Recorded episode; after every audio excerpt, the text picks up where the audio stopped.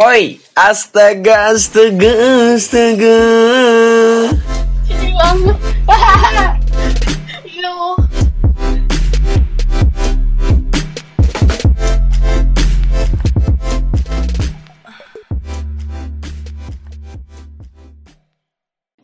Yes, pendengar astaga, ya selamat datang lagi ya Ya. di podcast kita berdua.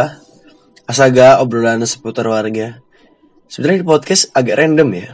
Ya apa aja yang lagi diobrolin Iya. gitu di sekitaran warga. Iya. Kayak kita, Kita kan kita juga warga, apa pun Iya. yang ngomongin ya udah. kita kan warga Indonesia. Benar. Iya nggak salah juga ya. Kita kan nyebut Indonesia lah, warga doang. Iya bener. Jadi kita kalau misalnya mau bahas Suriname juga bisa ya. Wow, boleh. Iya kan? Jauh tapi. Tapi nggak apa-apa warga Suriname. Boleh, boleh, boleh, boleh. Asal mereka ngerti apa yang kita omongin. iya bener. Hari Oke. ini kita bakal bahas apa? Hari ini kita bakal bahas Ini. Bahas ini ini bahasanya tuh keren gitu. Iya, Kalau dia tuh? kayak orang in- berintelektual tinggi gitu. Ya, apa? Disinhibition effect. Benar. Apa Apa sih itu? Disinhibition. Nggak pernah dengar. Oh iya, kayak iklan masyarakat. Jadi disinhibition effect. Disinhibition. Ya, Ah, berarti ngomongnya apa? iya disinhibition ya. Disinhibition effect ini adalah eh, suatu fenomena di mana seorang di media sosial sama di kehidupan nyata itu berbeda, Iya. ya kan? Bedanya gimana? Sebenarnya ini bukan bukan tentang konteksnya muka dua ya, Mm-mm. tapi cuman ini lebih ke arah bagaimana dia mengekspresikan diri.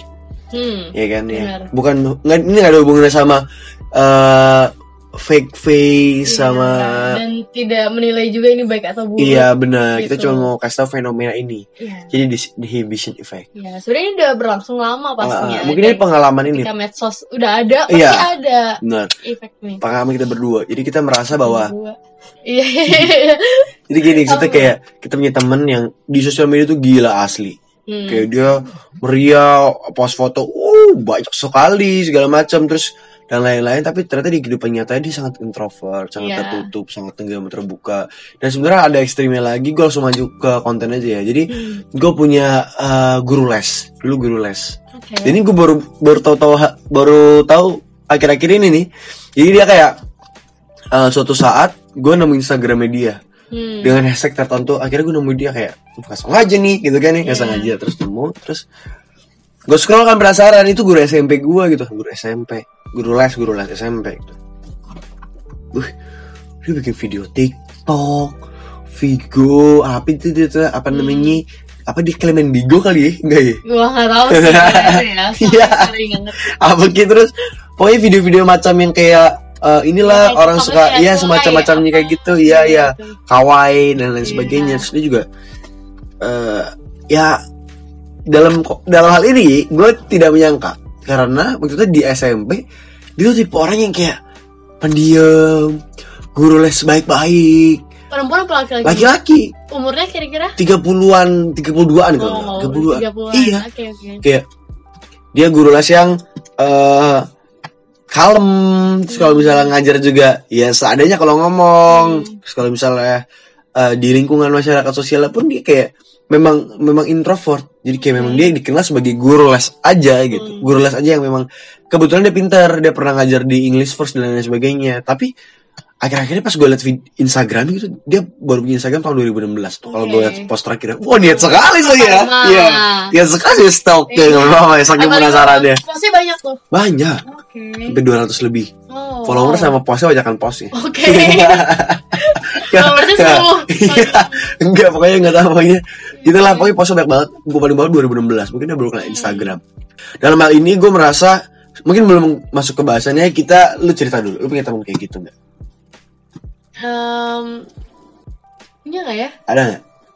Kayak yang benar-benar ekstrim banget ya? Ekstrim banget Kayaknya harusnya sih ada sih. Kenapa Cuman gue harusnya? juga, gue juga lupa maksudnya. Kayaknya temen kayaknya, lu ya? kayaknya gue pernah mikir gitu. Kayaknya Ah. pernah mikir ini orang kok beda banget sih di kehidupan nyata sama di medsos. Cuman gue juga lupa siapa orangnya. Cuman Hmm. Banyak sih sering kayak berpikir kayak gitu ini orang beda banget karena kadang gue sendiri pun tanpa sadar juga melakukan itu cuman ya mungkin nggak se ekstrim itu sih Oke. gue karena memang dasarnya juga orangnya introvert Heeh. jadi ketika ketemu orang di kehidupan nyata tuh agak lebih susah untuk membaur cepat baik gitu baik. jadi baik. kayak butuh proses butuh waktu untuk pada akhirnya bisa rame sama Oh, orang gitu kan jadi kadang-kadang gue mulai membangun itu dari media sosial oke. kayak misalnya gue nge-DM dia Oh. gue nge-reply story-nya atau komen kayak gitu Baru bisa dekat. baru ya akhirnya di kehidupan nyata baru dia ternyata bisa Ngobrol. ada obrolan Oke, jadinya baik. Tapi kalau yang di konteks ini sebenarnya yang di inhibition sebenarnya nggak salah yang di Hmm. inhibition sebenarnya tidak sebanding dengan ke apa yang di realita dan Hmm. apa yang di dunia maya Oke. kayak gitu. Tapi dalam dalam hal ini yang gue bilang guru gua itu tuh sebenarnya agak ekstrim. Kasus ini agak ekstrim karena sebenarnya eh, dia sulit mengekspresikan dirinya sebenarnya ya, di kehidupan Hmm. nyatanya mungkin kayak dia nggak punya teman curhat dia mungkin dalam kondisi yang tertekan dalam lingkungan keluarganya dan lain sebagainya dan Hmm. itu gue paham maksud kondisinya dan nggak punya teman cerita gitu juga benar ya. benar benar maksudnya dalam dalam hal ini dia itu sebagai eh, satu kayak misalnya dia eh, tulang punggung keluarga yang Oke. ternyata dia akhirnya tidak bisa menikah Hmm. dan dia harus jagain ibunya sedangkan maksudnya ada beberapa tanggungan kayak tanggungan rumah, tanggungan listrik dan lain sebagainya kayak banyak hal yang dia Hmm. perlu pikirkan gitu. Hmm. Sedangkan dia tidak punya tempat buat berkeluh kesah. Iya iya iya. Nah ini mungkin poin poinnya pengen gue highlight adalah sehingga dia mene- me- menyalurkan Iya. keresahannya itu ke dunia sosial media. Mm-mm. Gua nggak tahu ini cuma asumsi aja. Ini disclaimer, berarti ini asumsi gua sebagai eh, orang yang kenal sama dia, karena memang dia benar-benar orang yang sependiam itu. Iya, pokoknya kalau kenal beda banget Jadi gue ya. kayak pas lihat video, wow ternyata kalau bisa seperti Iya, ini iya. ya, kayak gitu. Jadi kayak kalau dilihat da- dari latar sosialnya, mungkin latar belakang sosial, hubungan asmara dan lain sebagainya, itu memang dia itu memang belum pernah belum pernah punya pasangan hidup dan tidak mungkin tidak berpikir sejauh itu. Hmm. Terus juga nggak punya teman dekat yang buat cerita karena dia memang introvert itu dan memang kayak di rumah tuh cuman sama sama Ibunya ibunya doang, doang, sama ibunya doang kayak gitu. Ya, mungkin dia di media sosial juga berharap mungkin ada orang yang tidak sengaja bertemu dia Oke, terus pingin Lihat ya? komen, Iya, pingin iya, komen. terus kayak pingin kenalan, mungkin ya, social improvement. ya, Ya bener kan? benar, mungkin situ Kayak sih pengen diketahui. Tapi uh, lu melihat fenomena ini gitu ya. Ini konteksnya yang in, in inhibition apa? Disinhibition. Inhibition. Disinhibition. Disinhibition. Iya, iya, jauh juga makanan tuh. Iya. Disinhibition. Disinhibition effect menurut lo gimana? Yang mulai mulai dari yang paling ekstrem dulu yang tadi kayak yang gue ceritain. Yang soal guru itu memang benar sangat sangat mungkin terjadi sih Hmm. emang ya itu karena orang pada dasarnya sebenarnya suka cerita kan Oke. orang nih sebenarnya makhluk sosial yang sebenarnya dia butuh orang lain untuk cerita untuk menolong dia segala macam tapi ketika di kehidupan nyata emang dia nggak bisa menemukan itu ya pelariannya pasti akan ke medsos karena ke mana lagi kan Iya benar benar. karena kalau misalnya dia cerita ke kesah misalnya ke ibunya juga Oh. ya gimana orang ibunya sakit kan Iya ya kan? benar. jadi kayak satu-satunya cara gue adalah gue Sosial media. menumpahkan itu ke media sosial ya cuman Right. eh, salah enggaknya menurut gue nggak salah sih karena setiap orang berhak untuk mengekspresikan itu Tapi apakah dulu eh, sosial media ini sebenarnya membantu orang untuk menghilangkan rasa gimana gue ngomongnya ya? Kayak misalnya dulu dia memang introvert, nggak ada Iya, sosial media kan tetap introvert gitu. Iya, Tapi kalau misalnya sekarang orang introvert bisa mengekspresikan diri di sosial media, itu maksudnya fenomena yang menurut lo kayak gimana?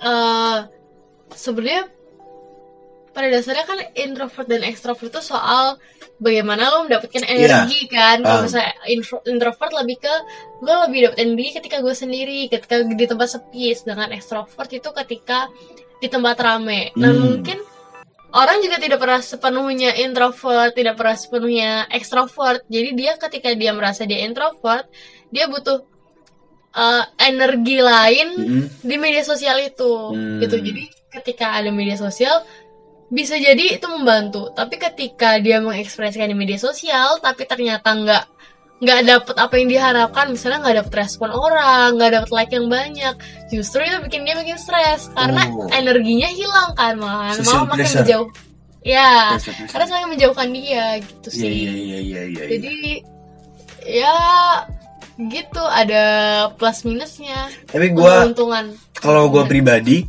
menanggapi disinhibition effect ini, gue belum pernah merasakan disinhibition effect ini di kehidupan gue oke dan tidak tidak bisa melihat juga di beberapa orang. Nah, Dan gue juga baru tahu itu itu namanya disinhibition effect Iya, gitu iya, gue iya. tahu. Nah, karena misalnya gue tipe orang yang agak cuek cuek dalam artian bahwa kalau gua nggak pengen komen ya nggak pengen komen kalau nggak pengen love nggak pengen love gitu su- tipe orang bukan bukan suka basa-basi gitu sehingga maksudnya disinhibition disinhibition ya Disinhibition.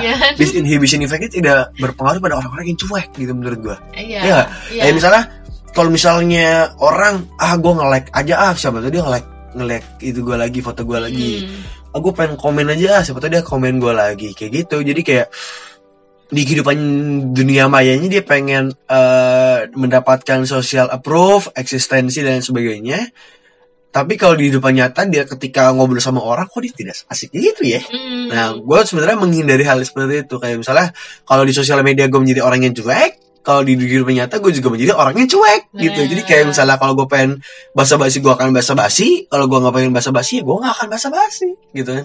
Itu sebenarnya tergantung tergantung personalnya pertama. Yang kedua, menurut lo kenapa akhirnya orang memutuskan untuk lebih aktif di sosial media? Nggak ada kan yang mungkin di sosial media pendiam tiba-tiba di kehidupan nyata dia aktif kan nggak ada kan? Ada dong. Di kehidupan kebalikan ada. Ada dong. Masa sih? Apa Banyak. coba kalau kebalikan apa namanya? Nggak tahu namanya.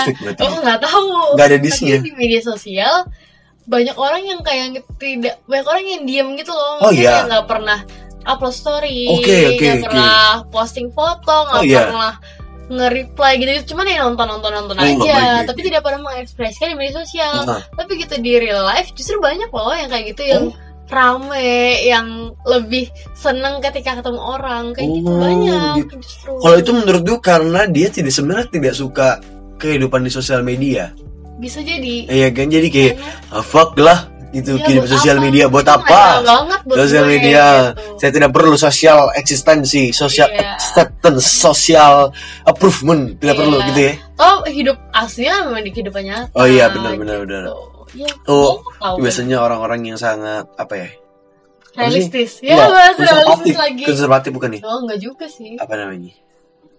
Nggak tahu namanya apa Iya. tapi nggak konservatif juga sih Oh, bukan ya, bukan ya. Konservatif Iya. apa sih? Gua salah ngomong lo tadi. konservatif tuh kalau misalnya nggak kayak kayak orang lama gitu loh Oh iya, iya tapi kan, maksud gua itu iya nggak? Kayak Enggak orang juga. tidak tidak suka menerima hal yang baru gitu. Dia pengen kayak merasa bahwa kehidupan nyatanya itu lebih lebih realistis. Sekarang dia mau fuck up. Sekarang orang di sosial media menjadi pencari konten gitu. Kayak misalnya bukan bukan tulus tapi dia emang sekedar mencari konten. Kayak misalnya ya, kayak dulu misalnya eh, kita ngomongin berduka cita. Orang berduka cita datang ke pemakaman itu segala macam.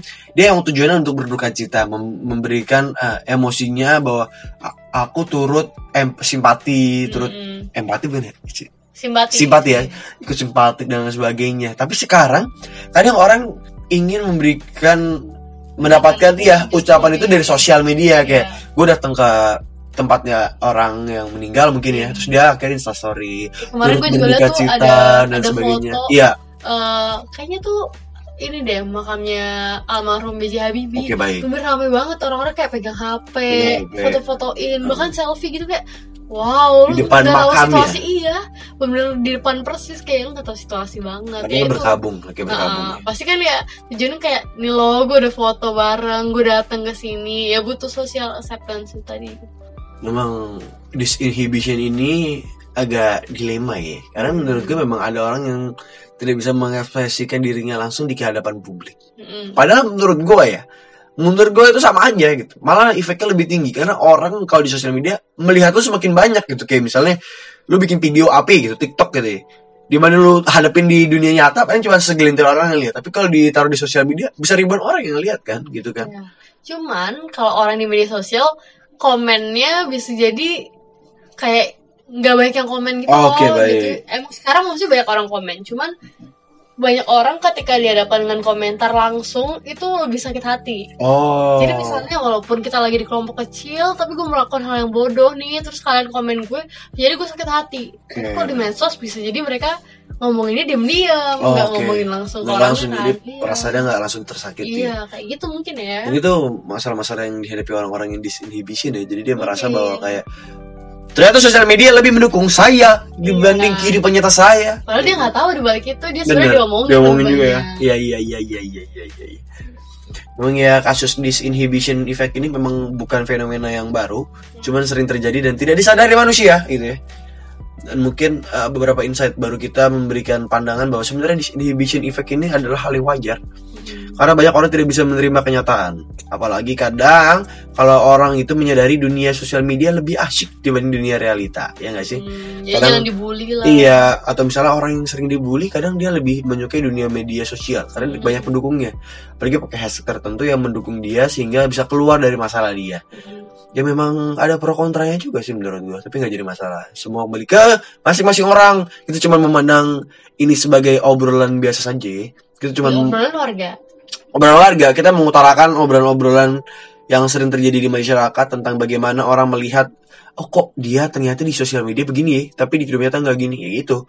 Ternyata memang ada faktor-faktor tertentu yang ternyata bisa mempengaruhi orang itu akhirnya bertindak di kehidupan nyata atau di sosial medianya. Belum tentu bermuka dua. Bener. Bukan bermuka dua, jangan sampai disinhibition effect ini menggambarkan bahwa dia muka dua. Muka dua tuh konotasinya negatif Iya, banget kan. negatif banget. Padahal disinhibition effect ini cuman bagaimana dia mengekspresikan dirinya Iya. menurut gua kayak gitu. Oke. Sobat eh, sobat Ya. teman eh, pendengar Pendengar. pendengar astaga terima kasih sudah mendengarkan podcast kita ya tentang disinhibition effect. Semoga lo mendapatkan insight baru dan lo kalau misalnya punya teman yang disinhibition effect jangan lo bilangin kalau dia muka dua. Tapi memang cara dia berekspresi memang beda. Oke, Fonsus, bye, caps dulu ya. Fani juga, bye. Ketemu lagi di podcast selanjutnya. Dadah.